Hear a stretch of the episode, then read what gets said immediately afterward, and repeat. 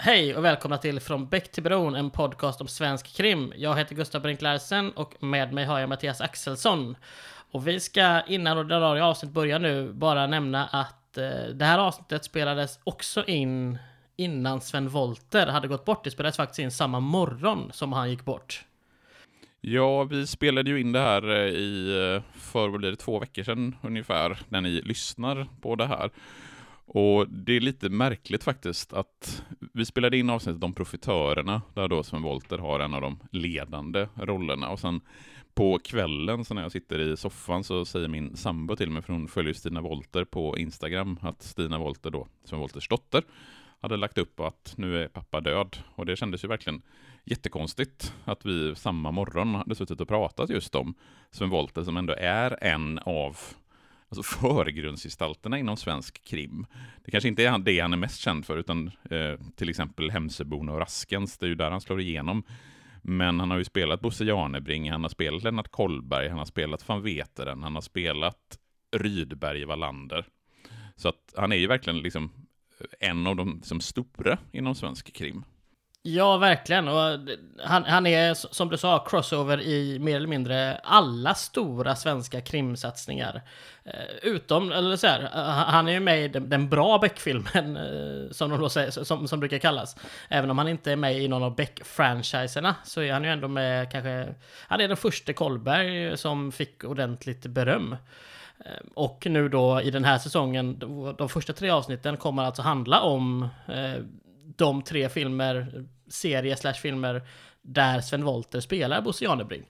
Så jag tyckte också det när, jag, när du, jag fick det meddelandet av dig ehm, eh, att han hade gått bort. Eh, det, ja, det kändes lite märkligt att vi hade suttit samma morgon, för den, det avsnittet spelade vi in åtta på morgonen och jag vet inte vilken tidpunkt han dog, men han måste ju åtminstone legat för döden när vi satt och pratade och det kändes ja, konstigt och på något sätt lite fint att vi satt och pratade eh, om, om honom och hans insats samtidigt. Det kändes bra, även om det inte är någon som egentligen bryr sig om det. Nej, och eh, lite grann så får vi väl kanske, även om det blir ju konstruerat så här i efterhand, att de tre kommande avsnitten av Från Bäck till bron är ju, blir ju lite grann vår hyllning till Sven Wollter som, eh, som den fantastiska skådespelaren han var. Dels så i Profitörerna som vi ska prata om idag, men sen också i Mannen från Mallorca som vi kommer att prata om i nästa avsnitt och i Lagens namn som kommer därefter. Precis. Men i dagens avsnitt, det var alltså inspelat innan vi visste att Sven Wollter hade avlidit. Så då, vi pratar om Sven Wollter som att han fortfarande är i livet. Så att ni är, eh, så att ni är medvetna om det. Det är inte så att vi har missat att han har dött. Utan det, avsnittet spelades alltså in samma dag som han gick bort. Eh, det ville vi säga innan och nu drar vi igång eh, själva avsnittet. Så vi hoppas ni ska tycka om det.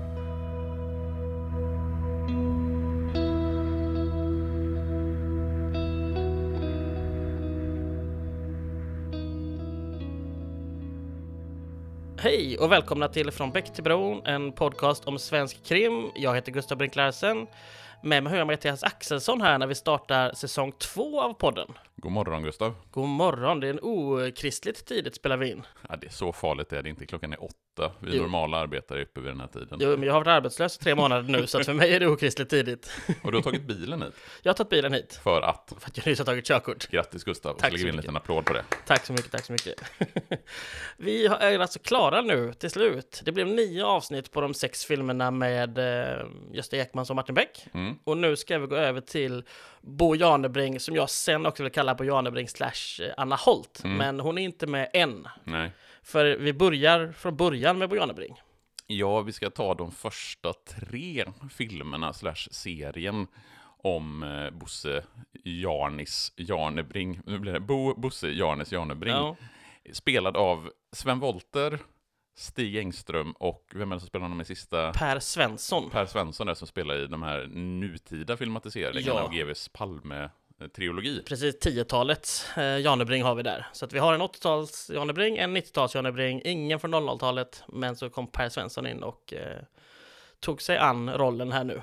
Och Bo Jarnebring är ju en av många svenska poliser på film. Och det som är lite roligt med Bo Jarnebring det är just det där att han har porträtterats av flera olika skådespelare. På samma sätt som Martin Beck har spelat av många olika skådespelare så har ju Bo Jarnebring spelat av flera olika skådespelare i olika konstellationer.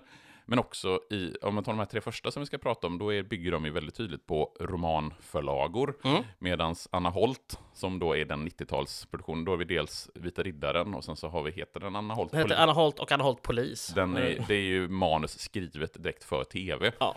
Och sen har vi de här 10-talsproduktionerna som också är romanförlagor eh, och GV som är romanförfattare till de böckerna. Ja, och det, jag tycker det är roligt, för, för mig är ju Stig Engström Bo Janebring, för det är ju Den vita riddaren och till viss del Anna Holt-serierna som är min eh, in, inkörsport till Janebring. Ja, det är det ju för mig också. Ja. Jag, jag såg ju den vita riddaren, hade ju vita riddaren på VHS och har sett den flertal gånger. Finns väl på öppet arkiv nu tror jag va? Den har i alla fall gjort det länge, jag hoppas den ligger kvar för när vi ska se om den inför, Mm. inför vårat här nu. För den som vi ska prata om idag, nämligen Profitörerna, den har ju varit oerhört svår att få tag på, Ja, gud, ja. kan vi notera.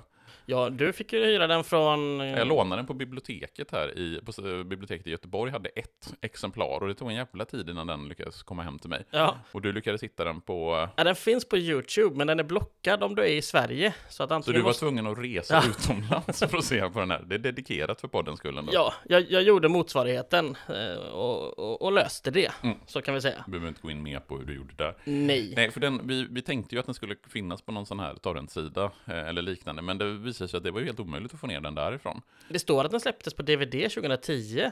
Visst är det märkligt att, eh, att den inte är mer tillgänglig? Ja, alltså så här, de här cdon.com brukar ju alltid ha, alltså så här, om man, Ja, det fick ju, jag fick ju ta på Rosanna från 1967 till exempel, på Ja. DVD när vi pratar om Rosanna. Men just den här som ändå är, visst, tio år är relativt lång tid i den här branschen tänker jag, men, men ändå, att den Mm. var helt, alltså den är slutsåld, överallt, den finns i princip ingenstans, Nej. förutom på vissa, biblioteket finns ett exemplar. ja, hur, hur var kvaliteten på din? Eh, du menar rent... Eh, Alltså bildmässigt? eh, Helt okej. Den var ju som ingen, det var ingen restaurerad kopia på något sätt. Nej, Utan det känns som att det var originalbanden som de använt och dratt rakt över på DVD. ja, för hade jag gått upp, eh, dra- dratt upp min, eller den jag såg på, via YouTube på Mm. tvn, så hade det varit alldeles för grynigt. Jag fick Mm. se den på, På på datorn, datorn, så det Mm. var inte den högsta kvaliteten. Nej, jag Eh, kunde ju se den på projektor, så så pass eh, Ja. bra var DVD-kvalitet. Yes. Det som är lite roligt med just eh, DVDn, det är ju att där frontar ju Christer Henriksson och Sven Wollter, det är ju de två som har kanske de, ledan, de två ledande rollerna Mm. i eh, Profitörerna. Och då är det ju Christer Henriksson, känd som Wallander, och Ja. eh, Sven Wollter, vet du vad han var eh, noterad som? Nej, Van Veteren. jaha. Det, det är den referensen som var den tydligaste 2010 för Sven Wollter. Det tycker jag är lite intressant. Det är ju För det är intressant. inte den kopplingen, för både du och jag är ju lite svenska krimnördar, men jag tänker inte att det är det som man liksom först kopplar Sven Wollter till vad det gäller svensk krim. Jag tänker äh, inte, inte ens, inte aldrig någonsin, oavsett om han är inne på svensk krim eller sådär, så är det Van Veteren man kopplar honom med. Men visst, om det var, kanske var aktuellt då, så Ja. ja, det är väl möjligt. Ja, nej, jag, jag, noterade det och tyckte att det var lite märkligt faktiskt. Ja, men Profitörerna då, den släpptes ju som en tv-serie, Mm. fast först på bio, Mm. men ett väldigt kort tag, Mm, och, då är- bara i Stockholm. Ja, och då är vi 1983, och det är ju, Ja. den, det är ju första gången som vi får träffa Bo Janebring. Mm. Och Bo Janebring, det är ju en skapelse. När Martin Beck var en eh, skapelse av Sjövall Valö så är Bo Janebring en skapelse av Leif Gunnar Willy Persson. Nej, Leif Gustav Le- Willy ja, vi, tar, Persson. vi, tar, jag kan ta det en gång till. Nej, Nej, jag ska klippa bort det fan. Leif Gustav Willy Persson, så Ja. jag Gunnar. Ja, jag får skämmas. Leif Gustav Willy Persson. Yes. Mm. Eh, vad har du för relation till GV? Ja, ja, men eh, jag är inte en sån som sitter och tittar på det här Svensk Brott och vad det hetat nu. Men han är ju en filur man alltid ser och som man tycker när man ser honom i, i kvällstidningarna så har han oftast pinpointat ganska bra vad som hände i ett aktuellt brott. Mm. Det är typ den relationen jag har till honom. Sen vet jag att det finns en jättehistorik bakom honom med Geijeraffär eller Geijeraffär och, och sådär. Mm. Men, men eh, jag har inte superbra koll på hans bakgrund ska jag inte påstå. Jag vet Mm. att han är gammal polis. Ja, gammal kriminolog. Ja, kriminolog, är- ah, okej. Han. Han, Han är var- inte polis alltså? Nej, han är inte utbildad Ah. polis. Han jobbade ju på Polismyndigheten, eller heter det, Rikspolisstyrelsen, kan det heta så, RPS. Det finns något som heter i alla fall. Ja, eh, och han är, han är född 1945 eh, och aktiv sosse beskrivs han som eh, i de eh, texter jag har läst om honom. Läste kriminologi på 60-talet, jobbade under en kortare period som universitetslärare i kriminologi innan han 1967 kommer till RPS och till den nya rikspolischefen Kalle Persson, eller Karl Kalle Persson. Jag tror det skulle heta Hammar eller sådär. Ja, det, hade varit, det hade varit spännande. ja. Eh, och, och just det här att han är, att han är aktiv sosse är ju lite intressant i sammanhanget, för när han börjar då på, hos Kalle Persson på, på RPS, så är ju det här under någonstans 68-vänsterns höjdpunkt. Eh, Sjöwall Wahlöö eh, håller på att skriva sin roman om ett brott. Mm. Vi har den här vänstervågen, en tydligt radikal, radikaliserad vänster. Eh, som då GV väldigt tydligt själv beskriver som att det, det var akademiker-unga som låtsades vara arbetarklass. Medan han själv då tydligt kommer från en arbetarklass. Eh, och tar, alltså, blir då socialdemokrat. Och jag tror inte vi ska gå in så jättemycket på vad som händer på, på Rikspolisstyrelsen och hans inblandning i Geiraffären, för den kommer ju mycket mer i nästa gång vi poddar, eller om nästa film, Mannen från Mallorca, som ju bygger på hans första roman, Grisfesten. För Grisfesten är ju tydligen, handlar om Geiraffären, den har han skrivit i princip som en hämndroman. Det, säger, det skriver han i sin, i sin biografi. Okay. Eh, att, eh, att ja, men jag skrev den här som en hämndroman. Eh, för han, eller om man ska ta det väldigt, väldigt kort, så han jobbade på eh, Rikspolisstyrelsen. Där fanns det en promemoria, Kalle Persson hade skrivit en promemoria, där ett antal högt uppsatta politiker anklagades för att vara bordellkunder. Eh, den promemorian skickades till statsminister Olof Palme. DN avslöjade det här eftersom GV till journalisten Peter Bratt hade bekräftat att den här promemorian fanns. Han överlämnade inte själva promemorian, utan bekräftade att promemorian fanns. Eh, det här förnekades stenhårt av både Olof Palme och sen av Torbjörn Fälldin som ju blir statsminister efter valet 1976. Ja, precis. Det finns ju några klassiska scener där när Palme säger att snus är snus och strunt är strunt. Ja. Om än i polisiära promemorior, som eh, Palme med vanlig slagkraftighet uttryckte sig. Ja. Eh, men GV, och det som blir lite jobbigt, det är ju att GV avslöjas som den som är den som har läckt det här. Han, han, det skrivs aldrig några tidningsartiklar, men alla vet att det är GV som är källan. Vilket gör att han blir personen non grata på, hos polisen. Blir, jag, tror, jag vet inte om han blir avskedad, men han blir liksom personen non grata. Eh, och det finns beskrivet att han i princip sitter med geväret i munnen och liksom ska ta livet av sig för att allting håller på att gå åt helvete. Men istället så bestämmer han sig för att skriva de här tre romanerna. Hmm. Och får en helt ny karriär. Dels som krimförfattare, men framförallt som då professor i kriminologi och kanske Sveriges mest kända kriminolog och expert och uttalar sig om allt möjligt inom eh, brottsväsendet. Ja, och, och svenska brottsväsendets mysgubbe för eh, allmänheten någonstans. Mm. Det var en spännande kontrafaktiskt om man hade skjutit sig. Så här, mm. Ett liv utan GV efter det. det är mycket tv som inte har blivit av. Ja, då hade vi inte haft eh, någon Sven Wollter som Bosse Janebring. Vi hade inte haft, eh, ja det är, det är mycket vi inte hade haft. Ja. Om vi inte hade haft. Men då skriver han ju de här tre romanerna eh, som heter ska vi säga, Grisfesten, Profitörerna och Samhällsbärarna. Va? Eh, han skriver om 78, 79, 82, alltså det här skiftet 70-80-tal. Och alla de här tre har ju sedan filmatiserats. Grisfesten filmatiseras av Mannen från Mallorca 1984. Profitörerna, som vi ska prata om idag, filmatiserades 1983 som en både film och tv-serie. Yes. Och Samhällsbärarna filmatiserades i slutet på 80-talet. 86. Typ. 86, ja mitten på 80-talet. Mm. I Lagens namn heter den va? I Lagens namn heter ja, den. Och Bosse Janebring spelas Bosse Janebring spelar Sven Wollter. Ja. Byt plats på dem. Sven Wollter spelar Bosse Janebring i samtliga tre. Ja. Han är ju den röda tråden genom de här tre. Ja, för det är intressant att där Martin Beck så uppenbart är centralfigur i, i vår första säsongs eh, filmer. Bo Janebring är ju inte lika självklart the one i den här. Han liksom, senare kommer vi då in på en serie som heter Anna Holt och den vita riddaren som har Anna Holt som huvudperson. Och här är ju Christer Henrikssons karaktär till stor del, ja men det är ju den som, om, om de nu löser brottet så är det väl han som löser det så att säga. Medan Sven Wollter och Janebring nästan har lite likheter med Micke Persbrandt, Gunvald Larsson känner jag. Det är lite enforcer-polis. Som... Ja, alltså, jag, jag tänker någonstans att uh, i den här profitörerna, Christer Henriksson spelar ju Jan Levin uh, och Sven Wollter spelar Bo Janebring. Eh, och det är de som gör omslaget till, eh, till profitören. Och det är väl de två som har de bärande rollerna. Mm. Även om givetvis eh, Christer Henrikssons roll är ju mer central. Ja. Som det är han, och skulle man dra en parallell med det tidigare vi har pratat om så skulle man ju kunna säga att men Jan Levin är lite som Martin Beck medan Bosse Janebrink då är som Gunvald Larsson. Mm. Både i de nya Beck-filmerna även i de 94 Beck-filmerna. Mm. Och sen, precis som du säger, Anna Holt, där är Bosse Janebrink en bifigur. Mm. Och i de här senare GV-filmatiseringarna så är han absolut inte någon, någon bärande roll. Han har en biroll Ja. i sammanhanget. Ja, de har inte jag sett än, så att... Nej. eh, Jag minns det som att han har en, jag tror inte, jag, jag, jag tänker så här att hade han haft liksom huvudrollen så hade jag kommit ihåg det.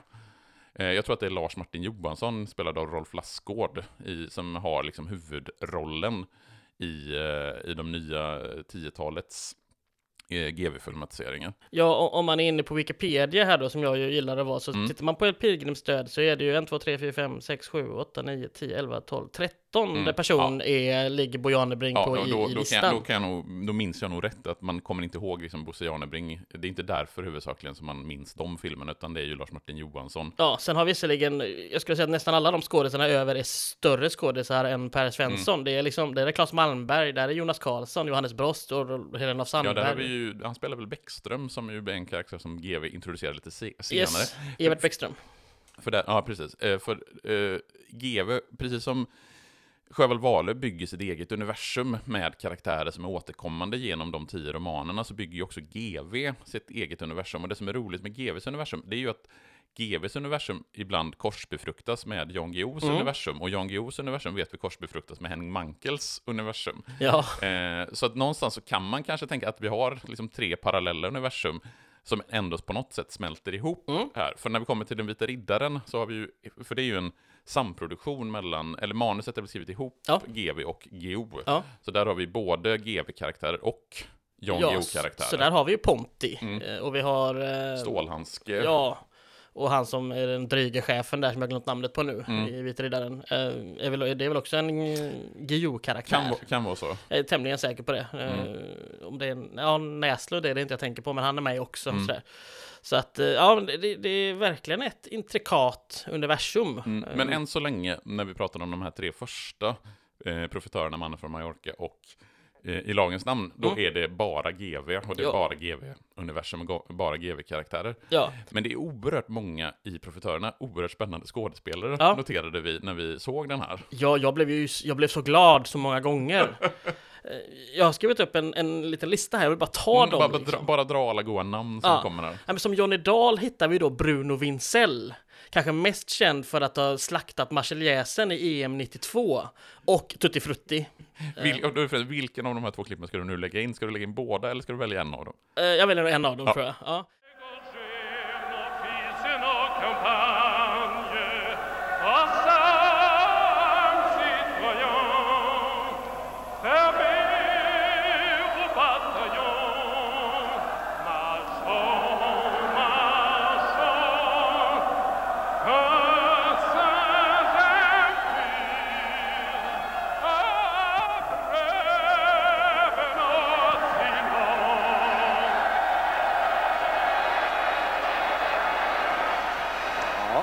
inte så alldeles lätt att hålla tonerna helt rena när man eh, ackompanjeras av 27 000 skriande åskådare samtidigt som man hör musiken på lite avstånd. Vi har också på honom eh, historien från Filip och Fredriks 100 höjdare om är det att den han, han ska köra han ska backa mätaren? tillbaka. Det. Eh, han han har kört över om det är 100 000 kilometer. Det- Nej, det lät jättemycket. Men Ja. han har kört över någonting och så inser han att fan, han är full när han Mm. gör det. Eh, och, och sen inser han att fan, jag missade när jag slog över. Så ska han backa bakåt för att, för att få den att rulla tillbaka och backa då in i en polisbil, Mm. är historien. Det är, det, är, det är en underbar ikon. Det är ingen stor roll han har här och det är det många av de här som inte har, men ja. Vi går vidare till Hörde den galning, vad gör du? Killen från Göta kanal. Och er som kan den. Bertil Nordström som spelar hovmästaren. Mm.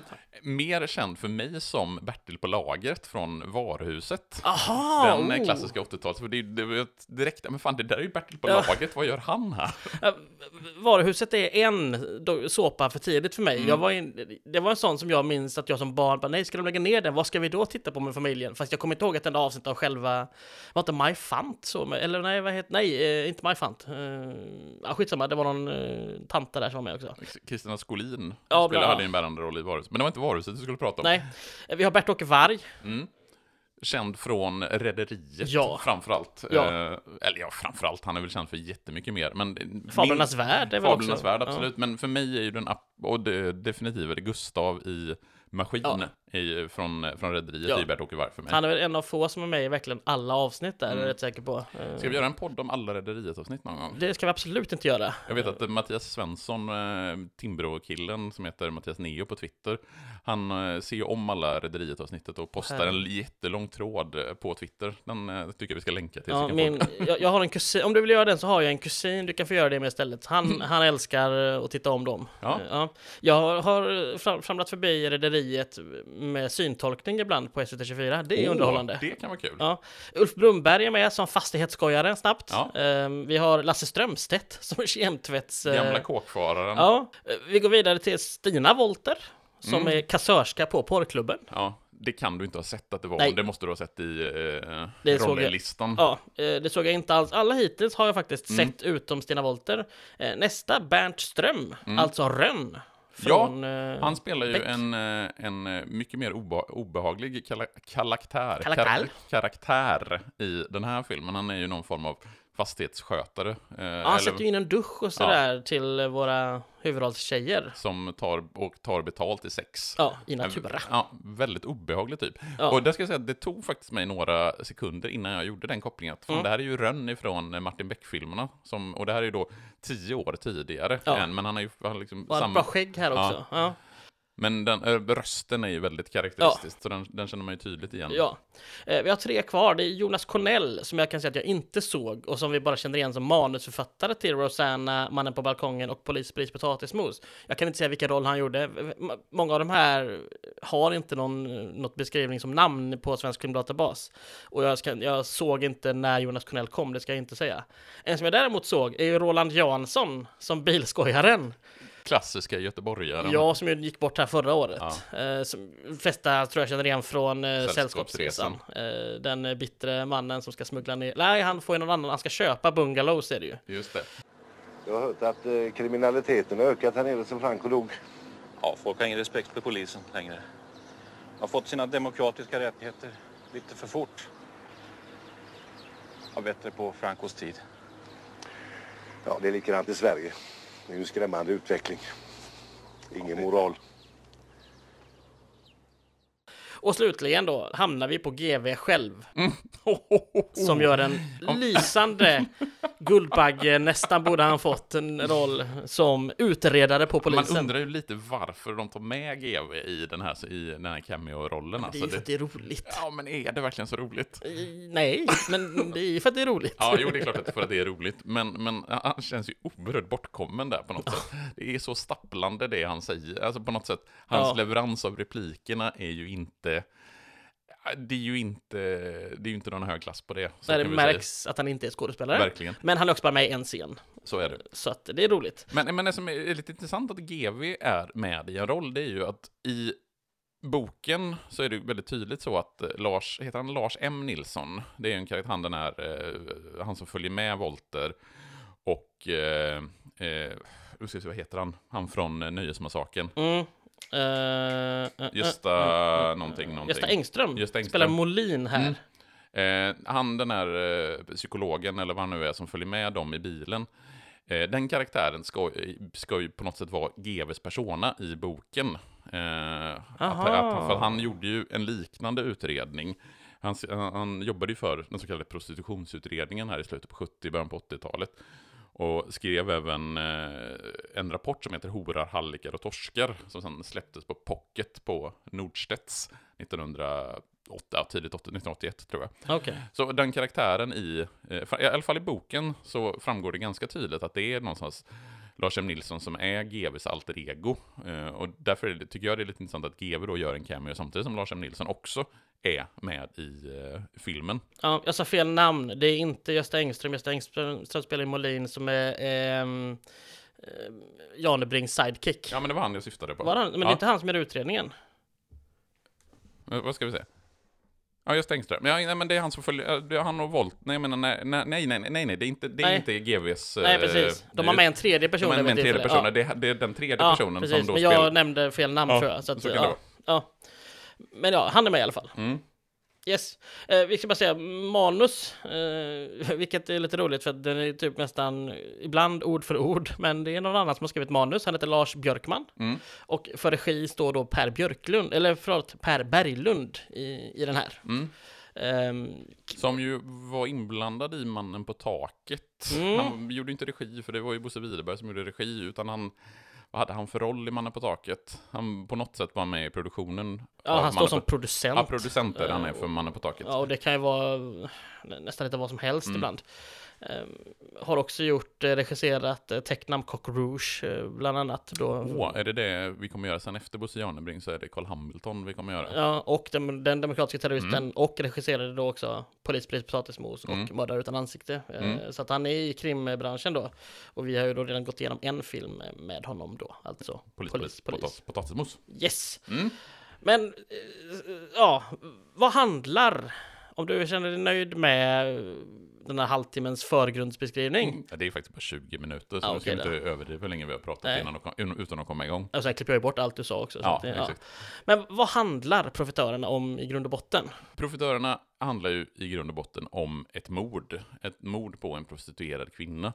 Katarina, jag tror hon efternamn? Rosenbaum. Rosenbaum. Spelas av Lico Sjöman. Eh, och utredningen av det mordet. Men det är ju inte riktigt så enkelt att det bara handlar om, utan det handlar ju också om en fastighetsskojarbransch som gör pengar på andrahandsuthyrning och svartuthyrning.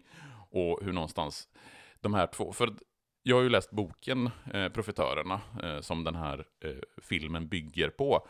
Och den har ju det, det påstår ju GW att han har liksom dokumentära anspråk. Han skriver i förordet att han använt de här källorna, bland annat intervjuer med polisen Bosse Jarnebring och Jan Levin.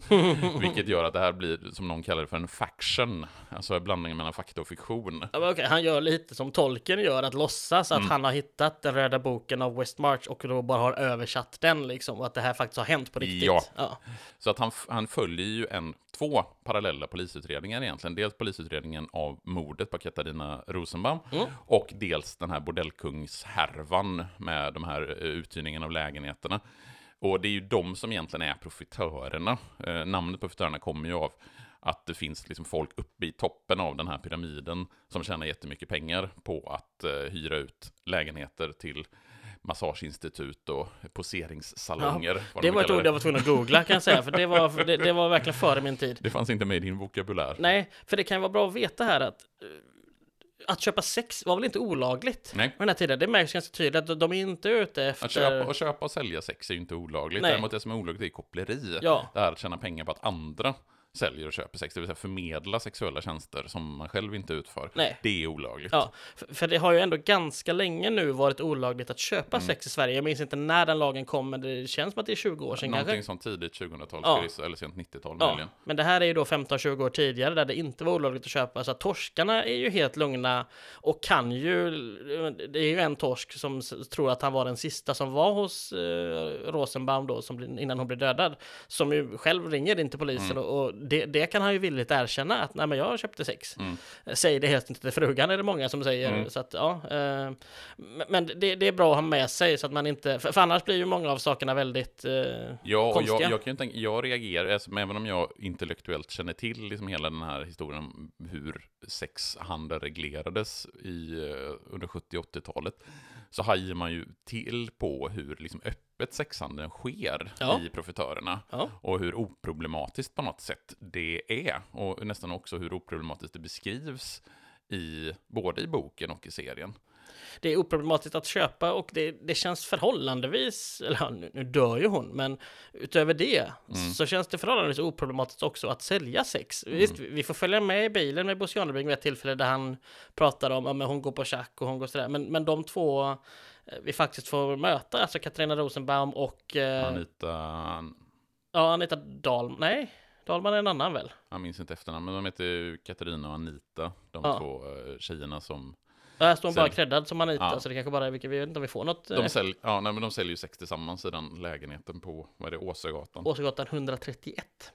Ehm, I alla fall, eh, de, så här, de beskrivs ju som förhållandevis vanliga människor. Anita har ett par barn och en man Mm. och sådär. Och, och ja, men Katarina då börjar dejta och visst, hon vill ju inte säga vad hon gör. Mm. Det ljuger hon ju om. Men, men det beskrivs inte som liksom att det är några större problem. Att de, det, det känns inte så i alla fall. Det känns väldigt, inte lyckliga horan kanske, men åt det hållet. Ja, och då ska man också komma ihåg att det här är ju före eh, aids och hiv-epidemin på 80-talet. Ja, innan den kom till Sverige i alla fall. Ja, ja, innan den Ja. kommer till Sverige. Ja, när kommer den i...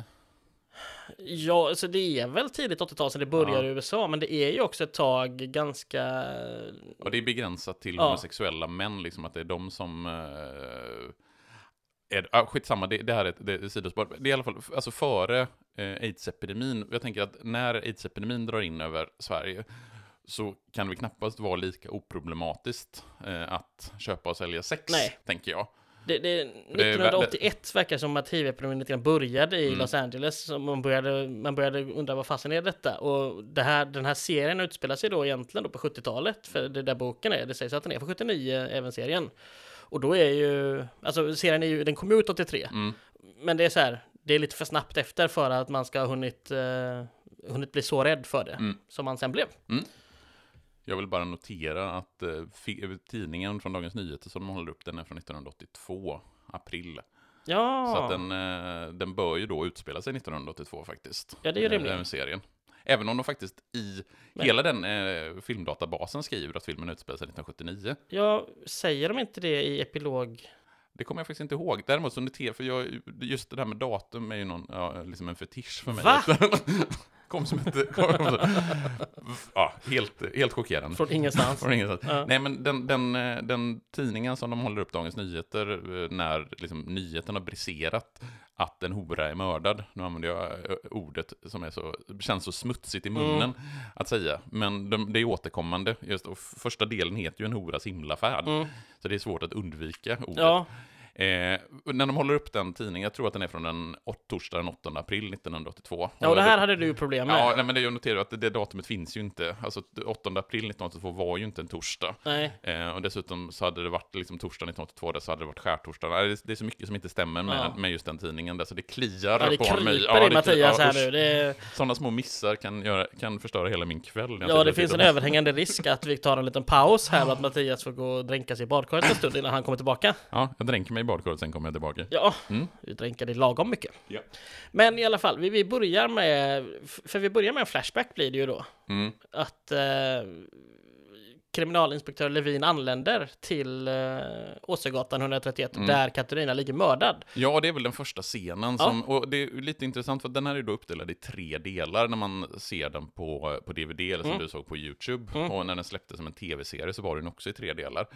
Och varje del börjar ju med exakt samma scen, Ja. vilket är jättekonstigt. Och lite för länge. Lite, ja, precis. Det hade varit om det varit en kort flashback på liksom 30 sekunder bara för att sätta, men den är ju flera minuter så rullar den på. Ja. Alltså exakt samma scen. Ja, Det är verkligen, och, verkligen exakt samma scen. ja, och i del 2 och 3 är klippet, tycker jag, till när vi väl går in till den nya historien, är lite klunkigt. Mm. Det, det är verkligen, det är inte så smidigt. Nej, för jag satt ju som sagt och såg den på gammaldags DVD, för det var så jag fick tag på den. Är väl så gammeldags är det väl ändå Ja, inte? men DVD, det känns Ja, ju... fan, det var VHS du såg. Vilket det- är roligt som ingen, som ingen kallade VHS när det hette VHS. Nej, det var video då. Ja, jag skulle hellre vilja sett den på video, Ja. men jag såg den på DVD. Och då tänkte jag verkligen att nej, men det har ju blivit något fel här när del två började. Den har, den har liksom hoppat tillbaka till kapitel ett igen, Ja. för då, i och med att det är exakt samma, sten, exakt samma scen där Jan Levin går in i lägenheten och... Ja. Och, och prata med polisen som står där och samma fotografer som är Mm. utanför vill fota honom och det är samma sådär, kom in, kom in till elementet men inte längre. Mm. Det är från kriminalaren som är där, eller teknikern som är Mm. där. Chadden Hellström som... eh, Ja, det är Chadden ja. Mm. Det är ett bra namn. Ja, Chadden Hellström, eh, gammal revyskådis och Ja. är väl med i eh, Casino-revygänget om jag inte minns fel. Det luktar åt det hållet Det ja. luktar åt det hållet. ja. Men Jan Levin spelas ju då av Christer Henriksson. Ja. Och det är ju en väldigt, väldigt ung Christer Henriksson. Jag vet inte exakt hur gammal han är 1983. Han är men- född 46. Ja, så då Han är ju 36 då, han är Ja. som mig. Och, Ish. ja, och det kanske inte är jätte, jätteungt egentligen, men man tänker ju sig, eller åtminstone jag tänker mig Christer Henriksson som en ganska, han, en äldre man, han ska vara i 50-60-årsåldern. Ja, han har varit 50 i 25 år, Mm. tycker jag. Eh, Så, så att ja, det här är lite för ungt. Ja, och, och man noterar verkligen att det här är en ung och oförstörd Christer Henriksson som kommer in som Jan Levin Mm. i den här lägenheten där Katarina Rosenbaum ligger mördad. Ja, och han känner ju igen liket. Mm. För att han har pratat med henne bara några dagar tidigare. Ja. Och då hoppas vi, eller hoppar vi tillbaka lite i tiden. Mm. Till en, eh, en porrklubb där hon, eh, Katarina, eller Katarina, och Ja, det, är, det är lite svårt det här, för att just hon heter Katarina, Ja. hon med Y, för hon är från Ja, Polen. det är lite roligt. Både hon, hon hon ska ha kommit då från Polen 72 Mm. tillsammans med sin eh, Kille. pojkvän, kille. Mm. Och ingen av dem har ens tillstymmelsen till någon polsk brytning. Mm. Och åtminstone hon pratar ju en klockren stockholmska. Mm. Så det, det ignorerade de, eh, tycker jag, fullständigt. Mm. Ett, eh, så här, hon ska då ha varit max 10 år, ja, 7 år om det då är 79 den utspelar sig Mm. i Sverige. Och det säger, ja, hon gick SFI eller vad det hette då. Mm. Och bara, okej, så då lärde hon sig prata helt felfritt, Mm. som man gör. Men, men Ja. just, ja, poängen var det den att när vi kommer nog, eller jag säger nu eh, Katarina, Ja. för jag tycker det är, lite, det är lite svårt att säga Katarina, det ligger liksom fel i munnen. Jag För- vet inte om det, hur, hur det skulle uttalas Katarina. på polska. Om, Nej, vi ska inte ens försöka Nej. uttala det, så det, det kan nog bli Katarina. ja. Eh, men hon är ju på den här porrklubben, eh, där hennes eh, kille eh, jobbar som, vad är han för någonting där egentligen? Jag, jag har inte fattat det, men, men han är väl hallick? Ja, på Eh, något sätt. Men jag vet inte hur ansvarig han är för allihopa. Nej, Eller om han bara är ansvarig för henne eller sådär. Men han har i alla fall, får hon veta, varit otrogen med typ typ alla... alla. på hela porrklubben. Och så sprider hon ut ett rykte om att han är impotent. Ja, och han blir arg och misshandlar henne. Mm. Ehm, och, och, och det visar hon upp för eh, sin vän Anita och de bestämmer sig för att skapa, starta en egen. Mm. Så de ska hyra en lokal, alltså en lägenhet, Mm. och eh, två, ha varsitt rum och ta emot kunder helt enkelt. Mm. 100 kronor för massage och 300 kronor för samlag säger de någon gång senare där. Mm. Bra pris. Ja, bra pris och de ska betala. Det är så underbart. Jag har förstått som att Åsögatan ändå är ja, men i Stockholms stad Mm. och de har en hyra på 800 kronor i månaden plus, alltså så här, som verkar vara hyran. Mm. Eh, Och sen är det då andra hand, så att jag tänker originalhyran var förmodligen ännu Mm. lägre. Och sen ska det betalas ändå en hundring om dagen visserligen till den här mellanhanden de har då. Men Ja. det, är, det, det är andra hyror än Mm. vad det är nu. Ja, det kan man ju lugnt säga. Men det är ju i och med att de skaffar sig den här lägenheten så introduceras vi någonstans till det andra spåret i profitörerna, nämligen den här eh, fastighetsskojarbranschen. För att när de ska ha den här lägenheten, de kan ju inte hyra den vitt på ett, på en lag, på ett lagligt sätt, utan de hyr den vad fan, svart i andra hand med någon mellanhand och så ska de betala, som du säger, 800 kronor i månaden. Sen ska de lägga en hundralapp under en vad fan, en Telefon. telefon, Aha. en, en sån klassisk med snurrskiva. Ja. Och här får vi ju också lära känna de här, vad är det, är de tre fastighetsskojare? Någonstans. Uffe Brunnberg är den ena, Ja. eh, Fahlén eh, den andra och ja, vem är den tredje? Ja, den, namnet. Matsson heter han i, i filmen, men jag vet, jag kommer inte ihåg vem det är som spelar honom. Nej, Men vi kan, vi kan låta det vara. Men vi har i alla fall ett gäng fastighetsskojare.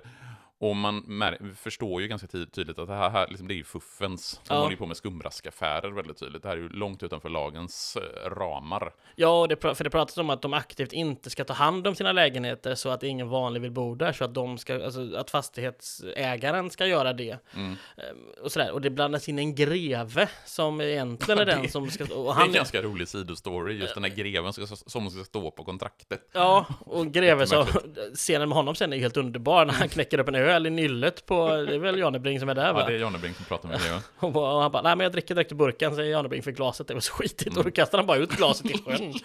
Ja, det En är, excentrisk greve kan jag säga. ja, Men det som är affärsidén för de här fastighetsskojarna är ju, just som du säger, det är att inte underhålla lägenhet, hyreslägenheterna, utan låta dem förfalla, Mm. så att hyresgästerna ska flytta därifrån, så att de kan liksom hyra ut dem i andrahand svart och tjäna ännu mer pengar Ja. än vad de kan göra i vanliga fall. Ja. Så det är ju egentligen fastighetsägarna som är profitörerna i det här sammanhanget. Ja. Och som, eh, som gammal hyresrättskämpe så tycker jag att det är fint att det ändå är fastighetsägarna som är skurkarna. De riktiga skurkarna i den här eh, serien. Ja men det är väl det, det, är väl det mest verklighetstrogna med hela filmen. Åtminstone om man lever i din värld. Ja, eh, Och i min värld, för min fastighetsägare beter sig som skitungar just nu. Mm. Så att, ja, de vill inte reparera saker som går sönder i vår lägenhet. Jävla Svin. Trots Häng, ut- 13, häng, häng ut dem. mm, 13 000 i hyra i månaden. Och, Häng ut de jävlarna. Mm, terrester. Skitungar. I, I alla fall, vi, vi får ju sen en kvinnlig bordellägare som på något sätt verkar vilja hjälpa till med att lösa upp det här. Ja, för hon kommer ju och pratar med är, Melander. Jag kommer inte riktigt ihåg vad han har för roll. Han, är, han är inte polischef, va? Eh, Men han har, han har ju någon ledande funktion Ja. för den här utredningen om eh, eh, hur, de här lägenheterna hyrs ut och eh, svarthyror och andrahandsuthyrning och liknande. Mm. Spelas, Och spelas av... Ja, fan också. Försöker alltid plocka med. Det är ju Lennart Hjulström. ja, det är pappa Skacke. Skackes pappa är Ja. det som spelar eh, Melander. Och det glömde jag nämna förresten, apropå Melander, att eh, när GV skrev de här Grisfesten, Profitörerna Ja. och eh, Samhällsbärarna så hade han ju god hjälp av Sven Melander, som ju då var journalist på Aftonbladet Aha. vid den här tidpunkten. Så jag vet inte om namnet Melander här på något sätt är en hommage till Sven Melander, om det, eller om det bara är ett så pass vanligt namn att man Ja, jag- kunde använda det ändå. Det jag tänkte det skulle varit en uh, hommage till Melander i Becksviten. Det skulle det kunna vara Men också. eh, det här har vi inte frågat GV om. Nej. För att vi inte har pratat med honom. Eh, ja, men i alla fall, de får hjälp av den här kvinnliga bordellägaren som ja, kommer med tips om uh, var det pågår den här typen av verksamhet, Mm. kan man väl säga. Eh, och, och det är nu då som Janebring och Molin och den här kriminologdocenten Lars M. Nilsson eh, Är det här vi introduceras för Bosse Janebring första Ja, det- scenen? Det är det va? Ja, det är 17 minuter in Ja. så kommer Janebring, så det är hyfsat lång Jag, tid. jag, för jag noterar också det, i och med att vi pratade om att vi skulle göra en, en, en, en, ett, en omgång här om Bosse Janebring-filmerna. Att det tar så lång tid innan Bosse Janebring introduceras. Men då ska man ju komma ihåg att det är ju inte, Bo, det här är ju inte en Janebring-bok eller en Janebring-film. Nej. Utan Janebring är en av många karaktärer. Egentligen, om man ska ha någon lead så är det ju Levin Ja. som är den ledande karaktären egentligen. Men det är att säsong två här blir Janebring eh, runt de saker han har varit med i. Yes. Ja, Men vad är Bosse Janebring för typ av karaktär egentligen nu när han introduceras här? Ja, men han är ju en, en, en mer, som vi sa lite innan, en lite ruffig... Han är inte en, en, eh, konstapel, han har ju inte polisuniform, utan han är fortfarande en... Han är utredare, Ja, han är precis. liksom kriminalpolis. Men han spanar ju mycket också och är mycket på stan och, och liksom han, han, han, han eh, räds ju inte att eh, ta i lite med hårdhandskarna när det behövs. Han, han gillar väl snarare det. Mm. Det är ju därför är så, när han tar in Johnny Dahl långt senare, alltså Bruno Wisells kar- karaktär, så är det ju, ja men de slår ju honom, vi får inte se det för de gör det snyggt att de visar en flickvän istället som är rädd, Mm. så sker misshandeln utanför bild, liksom, eller fighten. Och, och det är inte så att han inte vill ha den fighten, Janebring, han vill ju att det ska smälla lite liksom. Ja, men han är ju en ganska macho karaktär Ja, exakt. eh, när han spelas av Sven Wollter. Ja. Så kan inte jag riktigt minnas att han är i Den vite riddaren. Inte eh, alls. Där är han ju snarare den här lite lugna Martin Ja, Beck-typen i så fall. mycket mer Martin Beck-typen och mycket mer den här eftertänksamme eh, killen, eller ja, äldre mannen då, då 50-årsåldern någonting. Och, men, och han, men jag tänker Stig Engström och Sven Wollter är väl någonstans lika gamla, så han är tio år äldre nästan i, den, eh, i de serierna. ja, Och- han och kanske då, helt enkelt har mognat Ja. som, eh, som polis Ja. eh, och blivit lite, lite lugnare. Ja. Att, att här, I de första så tar han i mer med hårdhandskarna. För det tycker jag man, det är ju också samma i Mannen från Mallorca, att han har liksom det sättet att vara. Och nu kommer inte jag ihåg, det var i lagens namn så länge sedan jag såg, så jag minns inte riktigt vad han är för typ av polis. Där. Eh, Ja, den har jag aldrig sett. nej, men ja, det ska bli intressant att, att se på den eh, sen. Men i alla fall, eh, Bosse Jonebring och eh, Molin åker med Lars M. Nilsson, spelad av Palle Granditsky. Eh, och jag känner ju, det är ett ansikte som jag känner igen så oerhört väl, men kunde liksom, kan inte riktigt placera honom. Nej, Jag, vet, jag googlade och kollade på hans eh, IMDB-sida. Det står att han spelar en roll i Bäckspår i mörker. Eh, det kanske är den mest kända krimfilmen. Men, men i övrigt så hittar jag liksom inga riktigt kända roller som han har gjort. Men Nej. ändå så är han ett ansikte som är, för mig, no, det är någonting som han har gjort i alla fall som jag känner igen väldigt tydligt. Men Lite- kan inte placera honom. det är inte repmånad.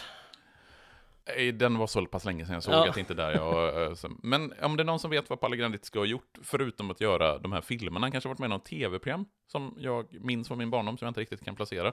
Han har ju varit med, jag är inne på hans eh, sida här, han, han har ju varit med mycket men han har ju inte heller haft, alltså han har varit med i Tre Kronor, Emma Mm. Åklagare, Skärgårdsdoktorn, Rederiet men det, det verkar vara en stint, så han Mm. är, det är, inte att han är inte den ledande i någon av de här liksom. Eh, ja, som sagt då, repmånad, men det är ju, en- alltså där är ju verkligen inte han, det är ju en Lasse Åberg-film liksom. Så att, ja, hets från 44 är han tydligen med men Ja, men då är han ju ung, det är ju hans första roll. Ja. eh, det är ju knappast därifrån jag kommer ihåg Nej, precis, och där står han nog inte ens, där är han nog så liten roll Ja. så att eh, han inte ens egentligen är upptagen i listorna. Nej. Men Ja. om det är någon som kan komma på vad Palle Granditski har gjort för, eh, som gör att jag kan komma ihåg hans ansikte, så får ni gärna mejla till fra, frambäck till bron gmail.com så jag kan sova gott på nätterna. Bra, bra, bra begäran. Kan ni komma ihåg vad jag känner igen honom ifrån? Ja, men jag tänker att det kan ju vara så att han var med, att han ledde något tv-program på Ja, ja, det 90-talet. är eller faktiskt något. Skitsamma, nu släpper vi Palle Granditski. För en gångs skull. De åker i bil ihop med den här eh, docenten och får se Stockholms gatuprostitution Mm. egentligen. En, eh, en ung tjej vid namn Ritva Mm. som eh, de åker upp till. Ja, och, eh, henne känner de inte igen sen tidigare. Uh, Janebring pratar om att men, eh, hon heter det och Mm. går på kokain och hon heter det och går på det här. Men så är det en, en, en ny förmåga eller någonting uttrycker han sig. Så då tar de och pratar med henne väldigt tydligt. Fast Mm. de har ju ingenting att gå på för det är ju inte olagligt att gå på gatan och det är ju inte ens olagligt att sälja sex. Det är ju inte numera heller.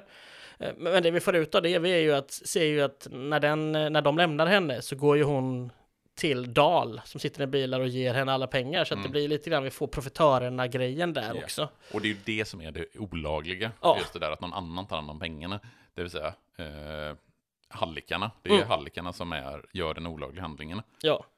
Men vi flyttar oss sen till Åsagatan där de faktiskt sen då, eh, de, de har till slut eh, De har, fått, de har fått igång en Ja. business. Precis.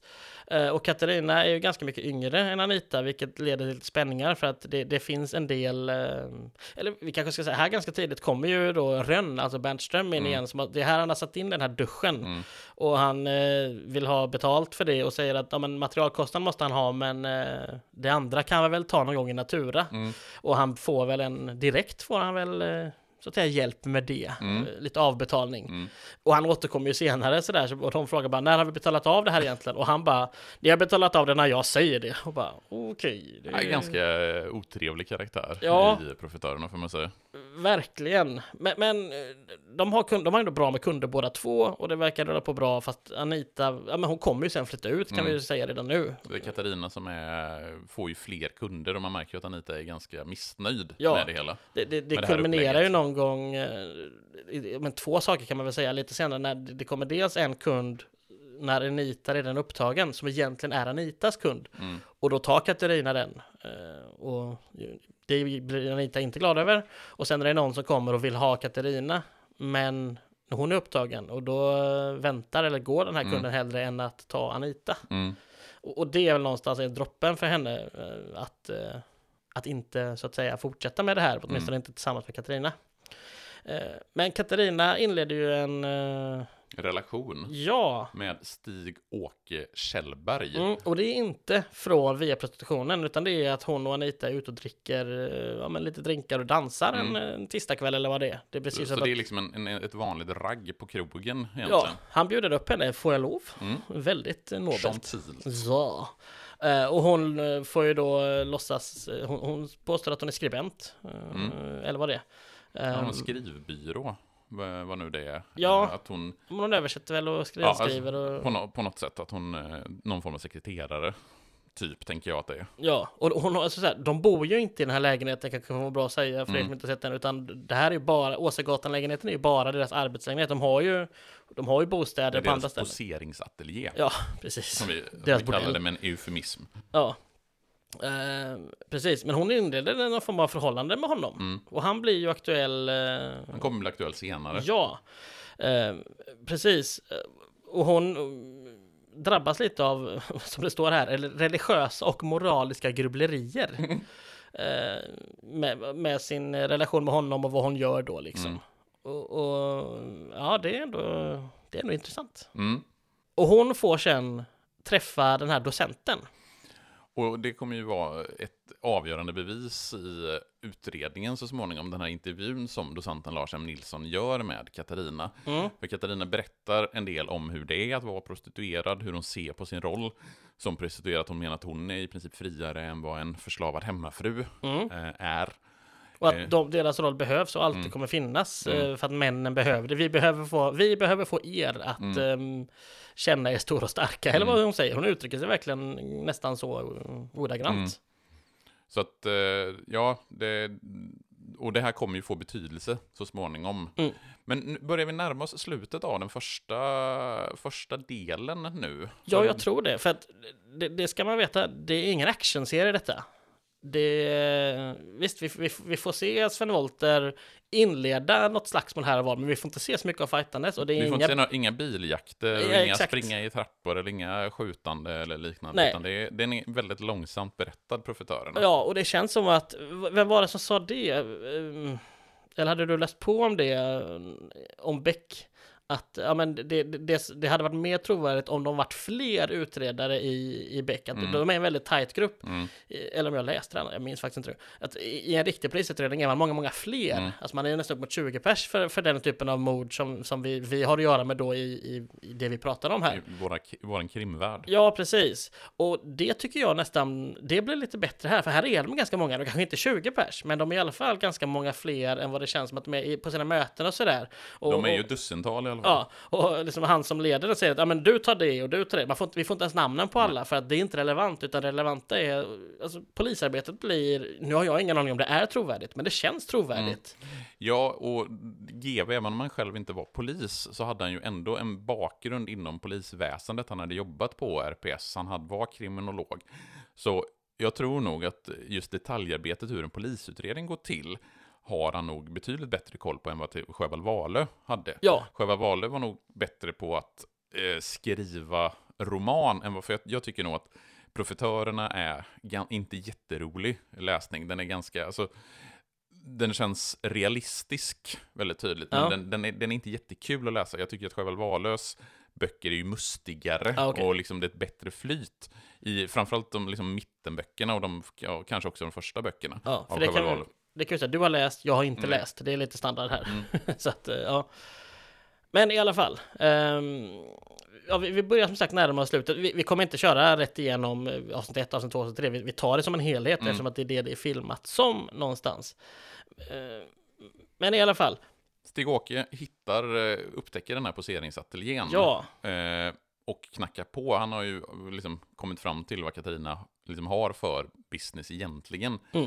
Men hon öppnar inte dörren eh, när han är där och knackar på. precis. Men när hon sen ska gå ifrån sin arbetslägenhet så blir hon överfallen. Vi får inte se vem det är Nej, som överfaller henne. vi ser henne gå ur, vi hör det hända och sen kastas hon tillbaka in i lägenheten. Mm. Och vi ser väl henne bli dragen i håret och sådär. Och då, därefter, det är då Levin förhör Katarina Rosenbaum. Det Ja. som han refererar till i den första scenen, när han Exakt. upptäcker henne mördad. Att jag pratade med henne för tre dagar sedan, Ja. eller vad det nu var. Men hon säger inte vem Nej. det är. Även om det är ganska tydligt att hon nog vet vem det är. Att Ja. antingen är en kund, eller, vilket vi ju då antas misstänka, att det är Stig-Åke som har stått och väntat utanför lägenheten. Det, vet vi inte. Nej, men det är, men det är den slutsatsen, ja, det är den man, slutsatsen man man- drar. Framförallt Mattias drar den slutsatsen. Men ja. Eh, jag, jag vet inte om jag tror att man ska dra den slutsatsen eller om man inom situations, äh, situationstecken ska dra den slutsatsen. Mm. Eh, Men i alla fall, eh, det, det vänliga pensionärsparet från ovanvåningen ringer polisen. För det har ju varit en rolig scen med den eh, pensionärskvinnan Ja, där tidigare. det. Lite gulliga. Åh, vad kul att någon flyttar in och sådär. Bara, ja. Jo, det, ja, lite, Mm. konst, lite konstig stämning. Ja, Så. precis. Men eh, ja, och, och sen då är det... Sen får vi se att eh, när Katarina hittas död i poseringsateljén, och det är ju då Fahlén som är först, en Men- av våra profitörer. Men han skiter ju att hon ligger där. Han är ju bara där för att... Jag vet inte om han är där och plockar pengarna, eller om han bara är där för att kolla till och sen går därifrån. Ja, vad han ska göra vet jag inte, men hon ligger ju direkt innanför dörren. Jag tror inte han går in och hämtar någonting, Nej, utan men han han, vänder. han upptäcker liket och går bara därifrån. Ja, precis. A.k.a. han är ett svin. ja, exakt. Och istället kommer Bengt på lagret. Hörde ni Garning, vad gör det? Han är verkligen bara med i den scenen i Göta kanal. Den är så underbar. Det är verkligen sånt som jag, sen jag var barn, kunde sitta och titta och Mm. spola på.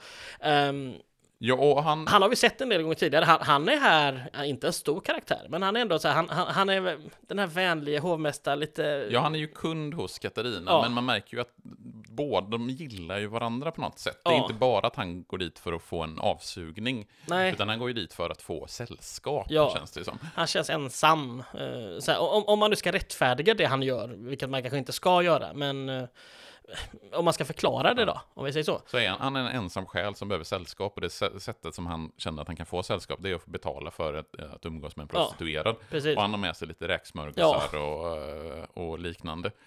Så han upptäcker, och han blir ju helt bestört, springer över till andra sidan gatan. Mm, där ligger en kemtvätt. Där Lasse Strömstedt Ja. jobbar. Yes. Eh, och Lasse Strömstedt, när, eh, han, eh, när Bengt på lagret kommer inspringande med blodiga händer. Kan inte du lägga in din galning, vad gör du? Jag trodde de hade eh, ropat det istället. Ja. eh, nej, men eh, Lasse Strömstedt tror ju att det här är, liksom, det här är mördaren, så han låser in eh, hovmästaren Ja, han säger så här, toaletten. gå med och tvätta händerna här, Mm. och sen så håller han fast honom och ringer själv polisen. Ja. Så Lasse Strömstedt får ringa polisen. Eh, och, men Jan Levin är ju ganska tid, blir ju liksom övertygad, det är, det är ju inte hovmästaren, så man släpper ju hovmästaren, släpper ju det spåret ganska eh, tidigt. Ja, och vi tror ju aldrig det i filmen heller, alltså vi som tittare. Nej. Eh, får ju se att han upptäcker liket och, och Och han, reaktionen. ja, och reaktionen är ju genuin Ja. i det läget, just för att eh, han har ju ingen anledning att fejka någonting där Nej. i det läget. Nej, för han är själv när han Mm. hittar henne. Jag funderar på det, hade, hur hade man reagerat oavsett så här, det behöver inte vara att man går till, till en bordell, utan bara, om man skulle upptäcka någon som man antingen inte känner så, hur skulle man Ja, reagera? Nu, nu har man ju mobilerna med sig, så nu skulle man väl ringa på en Mm. gång innan man åtminstone får tillbaka fattningen. Men det, ja, är det, Ja, eller så får man, eller så hamnar man i någon form av chock. Ja. Det, jag tror att det är nog det som skulle hända, att man hamnade i chock och inte Ja. riktigt agerar rationellt. nej, Man skulle nog kunna springa över till kemtvätten och ropa med blodiga händer. ja, det, ja precis, det, det ja, jag, jag kan se det hända. Mm. Det är lite som eh, när den här brandlarm går, vad är det, 10% av alla människor bara förnekar att det går. Liksom bara, nej men det brinner inte, det här är lugnt. Och sen, ja, så man får typ smacka dem innan de vaknar till igen, eller säga. Eh, Men ja. hovmästaren är i alla fall inte misstänkt Nej. längre. nej, Däremot så får vi ju reda på att det är inte bara så att hon har blivit mördad, Katarina Rosenbaum, utan när man gör obduktionen av henne så Mm. noterar man att det är ganska kraftigt övervåld. ja det är väl många saker som hon hade dött av om det inte var för strypningen, Mm. som eh, rättsläkaren säger.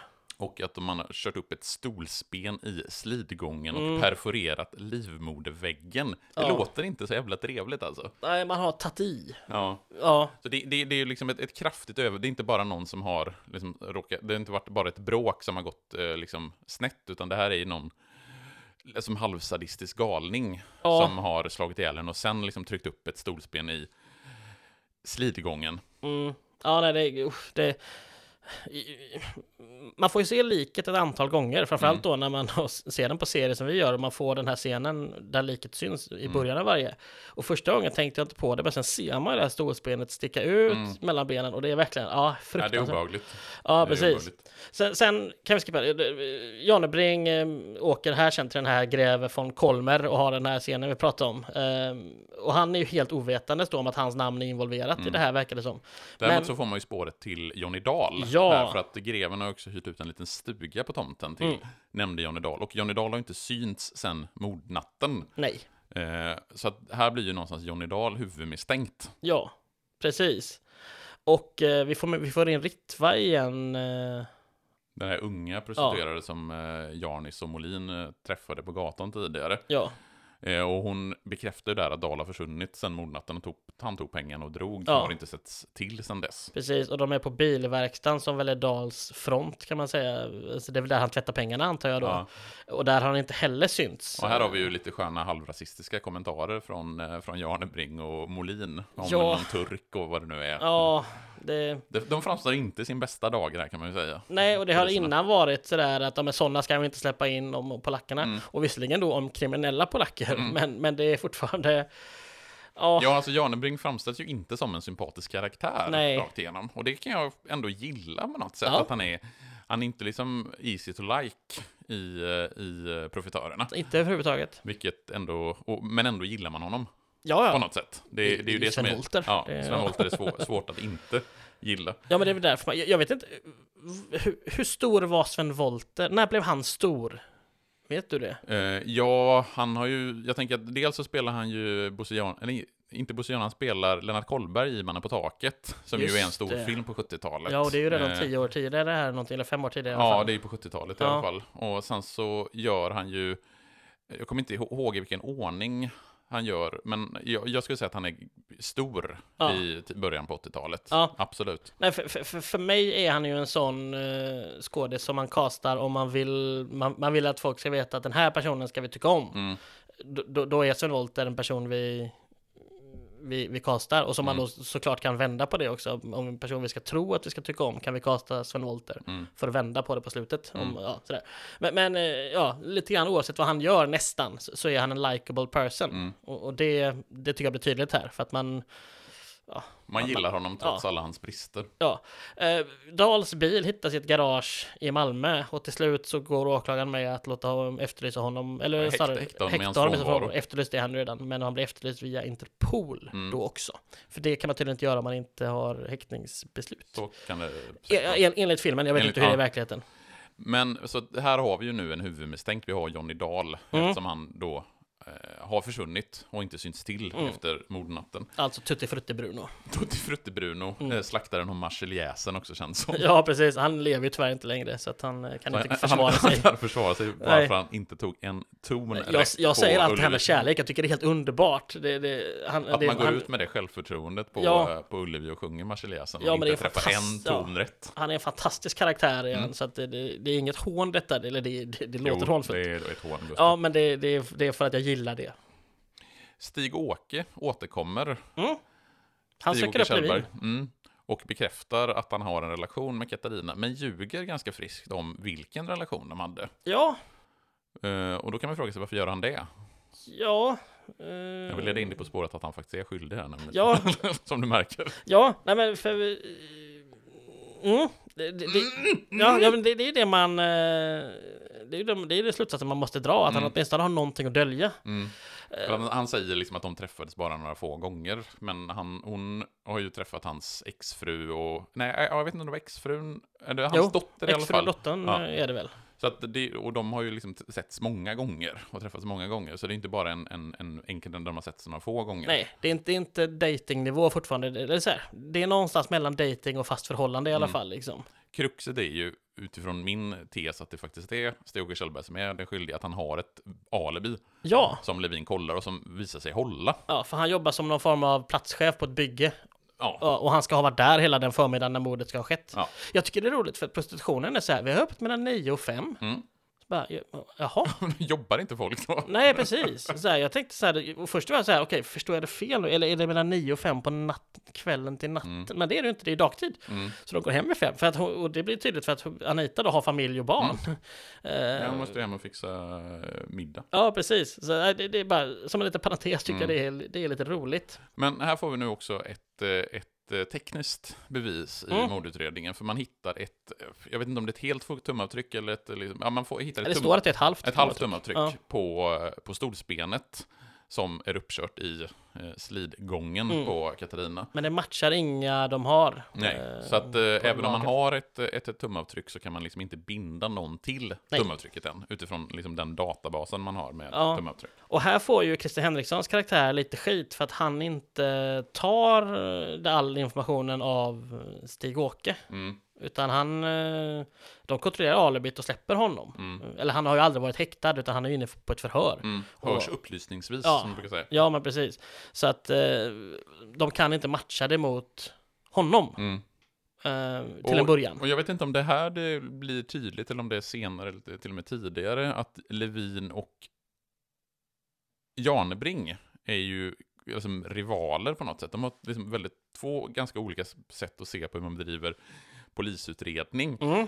Och det är ju vid något tillfälle som Janebring verkligen vill sätta dit Levin. Mm. Det är väl när de griper någon lite senare i, eh, i typ avsnitt tre. Ja. eh, Där han liksom eh, gör en väldigt tydlig känga åt Levin. Så de är ju liksom verkligen, verkligen inte kollegor och kompanjoner här, Nej, även om de jobbar tillsammans Ja. i, inom polisen. De är ju dessutom på två olika avdelningar Ja. i vanliga fall. Eh, Janebring är ju bara inlånad till den här mordutredningen. Ja, men det finns verkligen en spänning mellan dem. Mm. Ja, och det fortsätter här då med kartläggningen av eh, med Falléns verksamhet och sådär. Ja, men profitörernas del av det.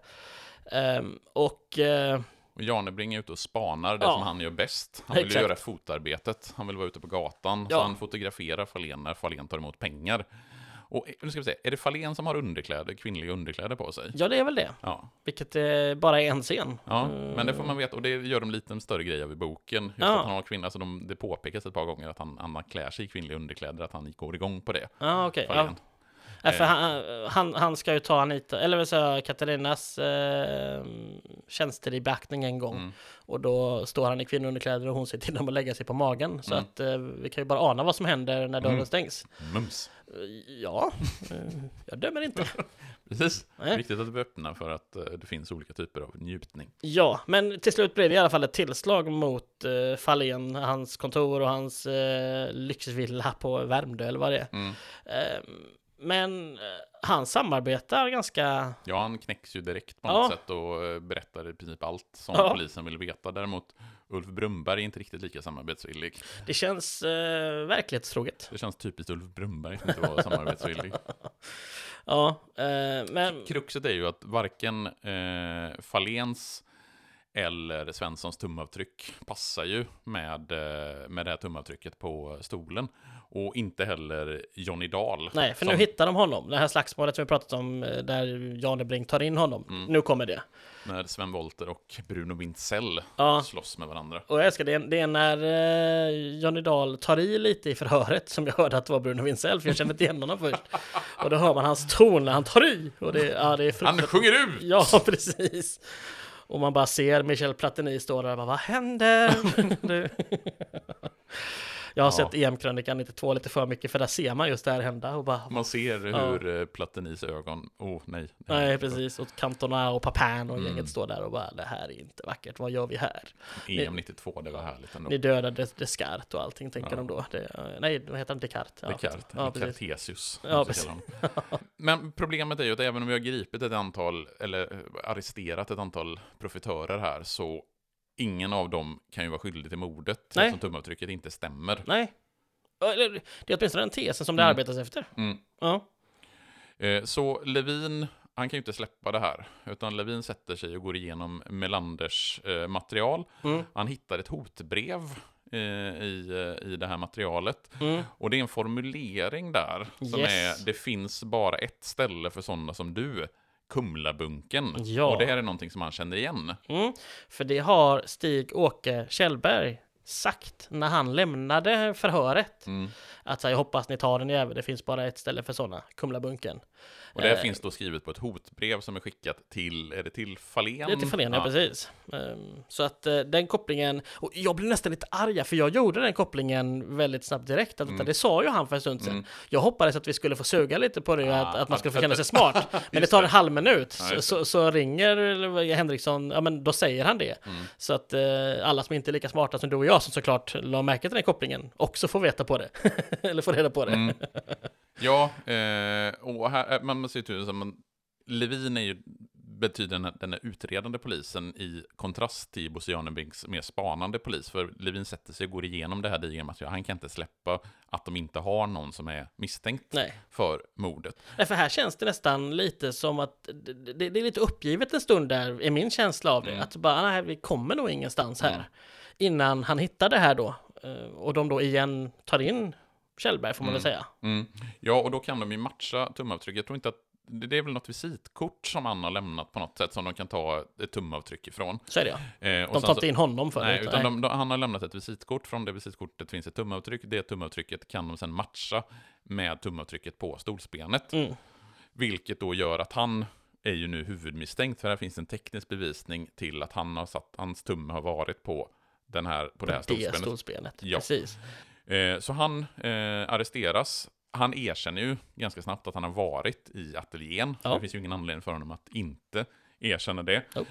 Så då gör de en, men han hävdar att det inte har gått till på det sättet som polisen misstänker, utan han har liksom en annan version Ja. av det hela, så de gör en rekonstruktion Ja, på Åsagatan. och där görs det tydligt från polisen, någon polis säger till någon annan, jag minns inte vem som säger det till vem nu, att eh, det viktiga här är hur han tar tag i stolsbenet. Ja, för det gör de ju en poäng av tidigare, just Ja. att, jag, nu är det svårt att visa i podd här, men att han ska ha liksom hållit stolsbenet snarare som en kniv, och han hugger med en kniv, som typ i Scream eller något liknande. Ja, precis. Att det är på det sättet han hugger med stolsbenet, snarare än att han tar det underifrån och kör Ja. upp det, utan att han hugger med. Och det, på så sätt, det är bara det sätt som tumavtrycket kan ha hamnat på det stället på stålspenet.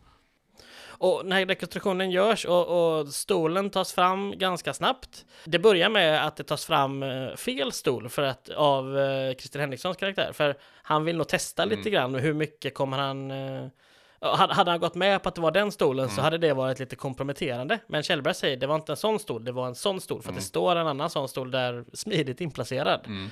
Eh, och de har en kvinna då som i det här läget spelar Katarina. Mm. Eh, som eh, ja, men, eh, Kjellberg får instruera hur det här ska gå till. Eh, och, och, och det, ja, det, han lyckas med det och det visar att hon slår uppifrån som att hon verkligen tar tag med stolen och ska mm. slå. Och han tar emot den med mm. handen. Och sen säger han då att, och så ställde jag ner den och så mm. gick jag. Mm. Det är hans version. Ja, och där finns det ju någonstans en teckning för att det, det, det, skulle kunna gå till på det viset. Ja. Det finns inte tillräckligt bevis för att gå vidare till en rättegång, även om man häktas eh, och sätts på häktet. Och där kommer, får han ju på något sätt en tidning där han liksom hängs ut som jag vet inte om det står uttryckligen hormördaren, det är så det beskrivs i filmdatabasen. Ja, det... Jag kommer inte ihåg om det, om det är med i uh, filmen också. Det sägs i filmen att det är det som, jag, jag minns inte vad det står, nej, om man ens får se vad det står. Nej, men, men, ja. men han, han hängs ut som hormördaren, ja. vilket gör att han tappar det och förflyttas till en psykiatrisk avdelning istället. Ja, och eh, han blir sedan frigiven i brist på bevis mm. av åklagaren. Ja, det blir inte ens en rättegång av det hela, för åklagaren liksom menar att det finns inte tillräckligt bevis för att gå till rättegång. Med Nej, det precis. Um, och, och um, ja, det går ganska fort där, för sen uh, kallas Levin till... Ja, vi hoppar väl en bra bit framåt i tiden. Ja, uh, en bit i alla fall. Ja, ja. och då har uh, Stig-Åke Kjellberg helt enkelt hängt sig ja. i sin bostad. Han hänger med tungan ut där, det ser fruktansvärt obehagligt ut. Mm. Man får verkligen se honom där. Det, det skyr de inte för att visa de döda kropparna. Mm. Och han har skrivit ett, av, ett avskedsbrev till sin dotter, är det va? Jag, jag, jag, vet inte, innehåller brevet mer än det förlåt vi får se? Inte, inte, alltså inte vad vi får se Nej. i alla fall. För jag tolkar det som att det är ett brev där det bara står mm. förlåt. Precis. Och eh, sen, det är en journalist med här som då... Eh, alltså det, det som avslut... spelas av Agneta Pleijel, tror jag. Jaha, det missade jag totalt. Ja, det var någonting jag läste mig till sen i efterhand. Att eh, Agneta Pleijel spelar kriminalreporter i, ah. eh, i eh, Profitören. Okej, okay. för sen, är liksom, sen får vi en liten epilog och form av en berättarröst som berättar lite... Vad som händer, att Johnny Dahl avskrivs ja. från utredningen. Fahlén får sex års fängelse är det va? Ja, precis. Plus att 500 000 eh, förverkas mm. som hittas. Och det hade de kunnat ge till mig istället. Och eh, utredningen på Katarina Rosenbaum läggs ner i brist på bevis. Ja, och det, det, här, det här de tror de säger att året efter 1979 så läggs mordutredningen mm. ner. Så det är därför det, det blir lite konstigt med 82 och 79 mm. där. Då. Det skaver. Det ja, skaver, det skaver ja, precis. Ja, vi, lägg det i Pernilla-stolen här sen så ska vi prata mm. om det. Men, men och det, det, är väldigt tydligt att fallet förblir olöst. Mm. Men vi har ju lite olika Ja, alltså jag, jag, reagerade ju på när du skrev att du såg ju den här igår, mm. eh, alltså dagen innan vi spelade in det här, och du skrev till mig på, på Messenger att du liksom blev sådär, va? Inte, det blir ingen lösning på fallet. Det liksom lämnas helt öppet. Ja, men att vi i alla fall, vi, vi får inte... Så här, du, du jämförde lite med Rosanna och där får vi ändå bekräftat i filmen att det, han åker ju fast för mm. mordet, eh, mm. Folke Bengtsson. Mm. Kjellberg tar ju visserligen livet av sig, men jag tolkar det som att det är mer öppet här om faktiskt han är mm. skyldig mm. eller inte ja, jag, till mordet. Jag, min, jag gjorde ju jämförelsen och parallellen till Rosanna just av den anledningen att Dels att det är en, en ganska vanlig typ som, eh, som blir den huvudmisstänkta. Alltså ja. Eh, Folke Bengtsson i Rosanna, en vanlig typ. Stig-Åke Kjellberg, en vanlig typ. Även om Folke Bengtsson är väl kanske mer atypiskt i sitt sätt att vara ja. med sina vanor och så vidare. Ja. Men det är den här random snubben som ändå inte, inte knarkaren eller eh, den som har liksom gjort ett par voltor på kåken. Nej, det som är misstänkt. Han har ju ett respektabelt jobb och en visst frånskild men ändå fru och barn har han haft och sådär liksom. Och inga tecken på någonting vad vi vet. Men för mig när jag såg färdigt den här, jag såg den för en vecka sedan ungefär, så kändes det ju ändå som att ja, det är ganska tydligt att det är Kjellberg som är mördaren, men de hade inte tillräckligt med bevis för att eh, sätta dit honom. Eh, vilka bevis är det du tycker gör det så självklart? Ja, dels tumavtrycket, som är ju givetvis, ja men det kanske går att förklara bort eh, det. Men jag tänker framförallt hur han beter sig efter att han har gripits, att han, när han suttit i häktet, där att han faktiskt känner sig skyldig till det han har gjort. Okej, för jag tolkar det som att han är helt förtvivlad över att vad gör jag här? Och liksom att han inte är skyldig. Och, och att avskedsbrevet till sin dotter är alltså ett förlåt för att han tar livet av sig. För, för han gör det, alltså, han, han vill åka hem till sin dotter och, fru, och exfru och lämna en present till henne på hennes 11-årsdag tror jag det sägs. Mm. Och hon, dottern vill inte träffa henne, så han lämnar Honom. pusslet uh, i någon brevlåda där och sen åker han hem och sen hänger han sig. Och det är då Mm. han har skrivit det här, förlåt.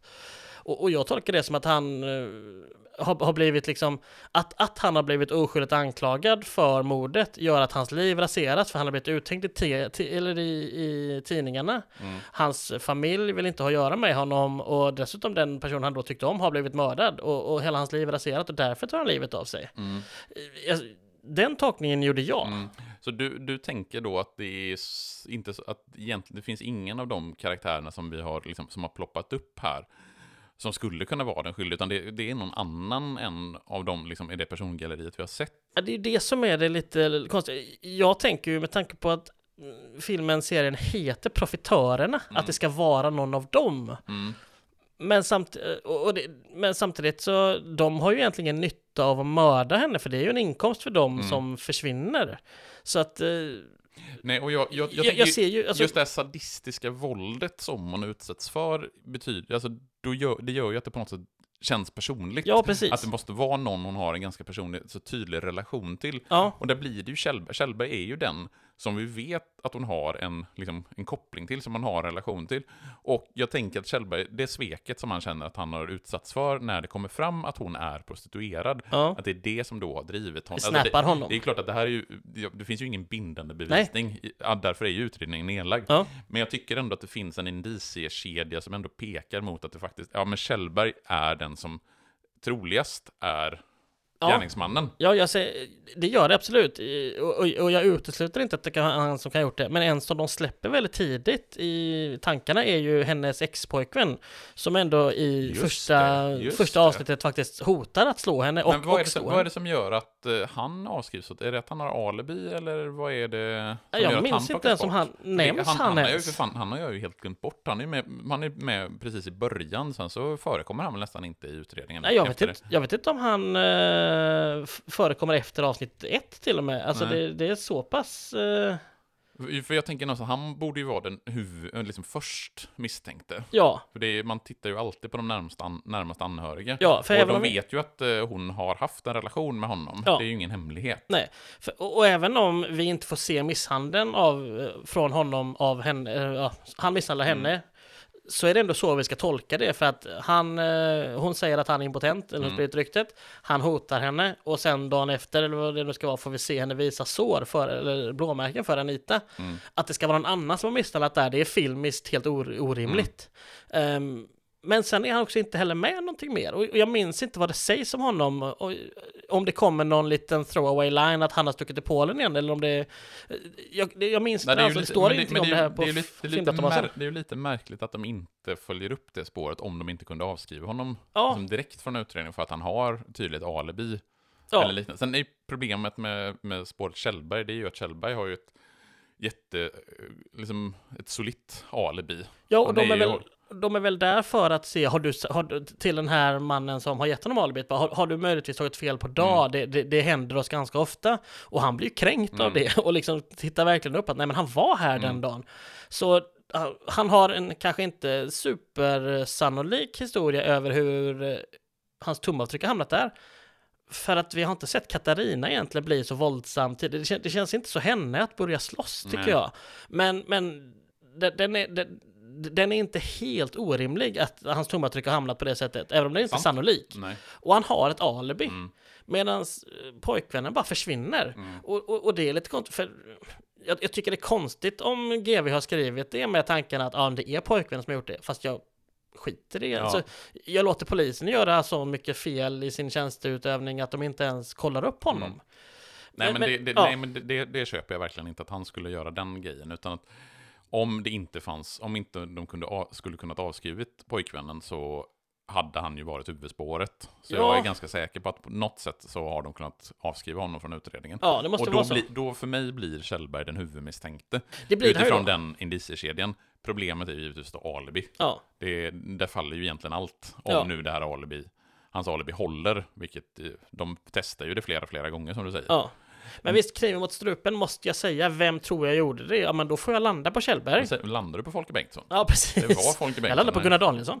Eh, Nej, men då någonstans hamnar vi på Kjellberg för att som filmen eh, är uppbyggd så är det dit vi tas. Men av vad som, men jag tolkar det också som att han faktiskt inte är skyldig. Så att jag, jag vet inte vem, eh, ja, jag, jag tycker att... Jag tror att vi kan komma fram till att vi, vi kan inte veta vem det är Nej. som är skyldig. Vi har lite olika syn på eh, upplösningen där, Ja. vem, vem det är som ska vara misstänkt. Men det, ja, Men om vi, om vi nu då tittar, Profitörerna, den är 173 minuter lång. mm, Den är i tre avsnitt om man ser den på tv. Den gick ju också som en långfilm på bio, det har vi sagt. ja, Eh, och jag vet att när filmen kom på bio och när den sen släpptes som en tv-serie, när den gick som tv-serie så var den ju tre kvällar under tre veckor. ja, från 22 november till eh, Ja, början på ja, december. 6 december. Eh, och då diskuterade man, eller kritikerna skrev, funderade liksom på, är den här bäst på bio eller är den bäst på tv? Nu har ju både du och jag liksom bara sett den på tv. Men om du hade fått välja att se den på bio i 173 minuter eller att se den som vi har sett den som en tv-serie, vad hade du föredragit? Ja, tv-serie för guds skull. Du hade inte velat se den här på bio? jag, det, det här eh, blir tydligt i en av mina andra poddar, Oscarspodden, att jag, jag är Du lite gillar inte bio? Jo, jag älskar bio, men jag har blivit lite sådär, jag tycker filmer ofta blir för långa. Mm. Eh, och jag tycker att eh, ska man ha tre timmar, ja men då, då tar jag det hellre uppdelat. Mm. Sen tyck, och, och just den här som är, alltså sådär, jag tycker inte den här har någon dödtid, jag tycker den här är sakta berättad på ett bra sätt. Men jag är ganska glad över att jag kunde se den i tre, jag såg den visserligen i ett svep, men jag kunde ta en paus Mm. emellan eh, sådär och gå iväg och hämta lite vatten för att det kom en naturlig, en naturlig, två naturliga breaks. Mm. Eh, Så jag hade föredragit den som serie tror jag. Jag tycker absolut att den, eh, den gör sig förmodligen mycket, mycket bättre som tv. Så jag önskar ju att jag egentligen hade delat upp den och sett den vid tre separata tillfällen. Så Ja. där att man hade sett del ett en kväll och sen har man väntat till nästa kväll och sett del två. Och sen Ja. väntat till en tredje kväll och sett del tre. Nu har vi båda två sett den liksom i ett svep. Ja, Och där, då tycker jag tyvärr att just det här oerhört långsamma berättandet blir lite liksom av en, av en akilleshäl. Ja, man får- man- man åh, ut. Det blir så bitvis ganska tråkigt. ja, Det finns en del alltså, riktigt sköna scener, framförallt när de, liksom, äh, det här karaktärsgalleriet spelas upp när Roland Jansson kommer in, när Lasse Ja. Strömstedt kommer in, när Bert-Åke Varg kommer in. Då, då piggnar man till lite, men som Ja. helhet, att sitta 173 minuter i ett streck och kolla, det blir för långt. Ja. Jag hade hellre delat upp den på tre separata delar. ja. För den är ju också väldigt tydligt uppdelad som liksom tre, det är inte tre separata berättelser, men det är ju tre kapitel Mm. i filmen. Ja, alltså det måste bli lite märkligt på, på bio att man, man ser en grej och sen helt plötsligt så, jaha nu har den bytt här liksom nästan. Eh, för här blir det ju väldigt tydligt, för här är det ju ändå för och eftertexter och, och det är den här eh, introscenen då kommer två gånger om till då. Så att här blir det väldigt tydligt att okej, nu börjar nästa. Och, och då är, men, får, du, får du den tydliga omställningen så är du ändå med på det. Medan på bio så, så var det ihopklippt som en liksom. Så då helt plötsligt så ja, byter man fokus totalt och vissa karaktärer försvinner nästan. Mm. Eh, Men nej, jag, jag, föredrar- jag, så här, jag, jag, jag gillade den som serie, ska sägas. Och jag, jag tycker nog att det är det som den gjorde sig bäst som. Mm. Den fick ju väldigt mycket beröm när den kom, alltså väldigt goda recensioner. Så om vi nu ska själva landa i ett betyg, 1 till 5 på krimskalan. 1 till 5 på krimskalan, Ja. vad säger du då? Vad tycker du att det är? Jag tycker att den här är bra, men den lider lite av segheten som du säger, så jag landar... Och, och, jag tycker att en del av skådespeleriet är... Det märks att det är tio år för... Det, det är som ett mellanting. Vissa är ganska teatraliska i sitt skådespelande och väldigt... Bruno Wintzell, Ja, precis. Eh, nej men det är mycket sådär, och GV drar ju ner det lite grann i skådespelarmässigt sådär. Ja. Ja. men jag landar på en ganska stabil trea. Ja. Jag, jag, jag blev faktiskt besviken på den, måste Okej. jag säga. Jag, hade, jag har ju inte sett den här tidigare, de andra har ju sett. Alltså, både Mannen från Mallorca och I lagens namn har jag sett tidigare. Profitörerna hade jag inte sett tidigare. Nej. Och i och med att jag älskar Mannen från Mallorca, det är ju, liksom, det är ju en av mina absoluta favoritfilmer all over. Oj, Och i lagens namn minns jag som en bra eh, film, så hade jag ändå ganska höga förväntningar på Profitörerna. Men jag tycker faktiskt att den är ganska tråkig. jaha. Jag tycker att, det, visst alltså den är inte jättedålig. Sven Wollter är ju lysande, Mm. givetvis. Jag tycker även Christer Henriksson gör en väldigt bra rollprestation. Jag tycker det är ganska många kackiga rollprestationer, Ja. precis som du är inne på. Så jag landar faktiskt på en tvåa Oh, för den här. Det var Eh, skönt att det är olika betyg mellan ja, oss för en gångs skull. det, Ja. det, det, det kan hända ibland. Nej, men jag tror framförallt just besvikelsen, att jag hade så högt för, ställda förväntningar, för jag har ju verkligen gillat de andra GV-produktionerna. Mm. Och jag, nu, nu ska jag inte säga för mycket om Den vita riddaren, för jag har inte sett Den vita riddaren sedan ja, men typ 90-talet någon Nej, gång. Risken, är, risken är ju att jag blir mäkta besviken, att den inte alls håller för tidens tand. Mm. Men den håller ju också som en väldigt bra tv-serie. ja, jag med. Men jag har också sett den i nutid. Mm. Så att, ja. Men då har vi kanske stängt eh, DVD-omslaget för Profitörerna. Yes. Eh, och vad är det vi går vidare med i eh, nästa avsnitt? Ja, men då är det ju din favoritfilm då. Mannen från Mallorca, The Man from the Majork. eh, eller som den heter i bokförlagen Grisfesten. Ja, det är och det här är ju lite intressant, eh, för det, det blir samma som med eh, Beck-filmen, för där började vi med Brandbilen som försvann, som utspelar sig efter Rosanna för att den släpptes före. Ja. Och det är ju samma här, att Grisfesten utspelar sig ju före Profitörerna. Grisfesten kommer ju först och sen kommer Profitörerna, sen kommer Samhällsbärarna. Ja. Men ändå så gör de Profitörerna som den första filmen. Jag har försökt ta reda på lite varför de gjorde Profitörerna före de gjorde Grisfesten. Men Mm. jag vet faktiskt inte, har du någon hypotes kring det överhuvudtaget? Nej, det, nej. Det här, jag är inte så insatt i, den delen. Mm. Det är lite för tidigt för mig, Mm. så att jag har liksom inte koll på det riktigt. Nej. Men för, för Profitörerna kommer ju, eh, den kommer ju 83 och sen kommer den från New York 84. Och Grisfesten är ju egentligen, som sagt då egentligen före.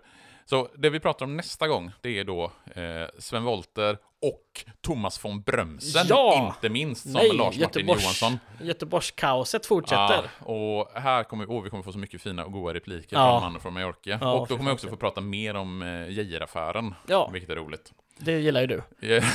Jag gillar eh, justitieministrar som går på bordell. Ja, men ni kan ju följa oss tills dess. På, På- Fran Bäcktebron på Instagram. Och Facebook. Mm. Eller från Vächterbron kan ni skriva så, Ja, så så löser ni det. både på Instagram och på Facebook. Vill ni mejla oss så är det franbäcktillbron.gmail.com. Ja, Och vi finns där poddar finns, så hörs vi igen om två veckor. det gör vi. Hej då! Hej.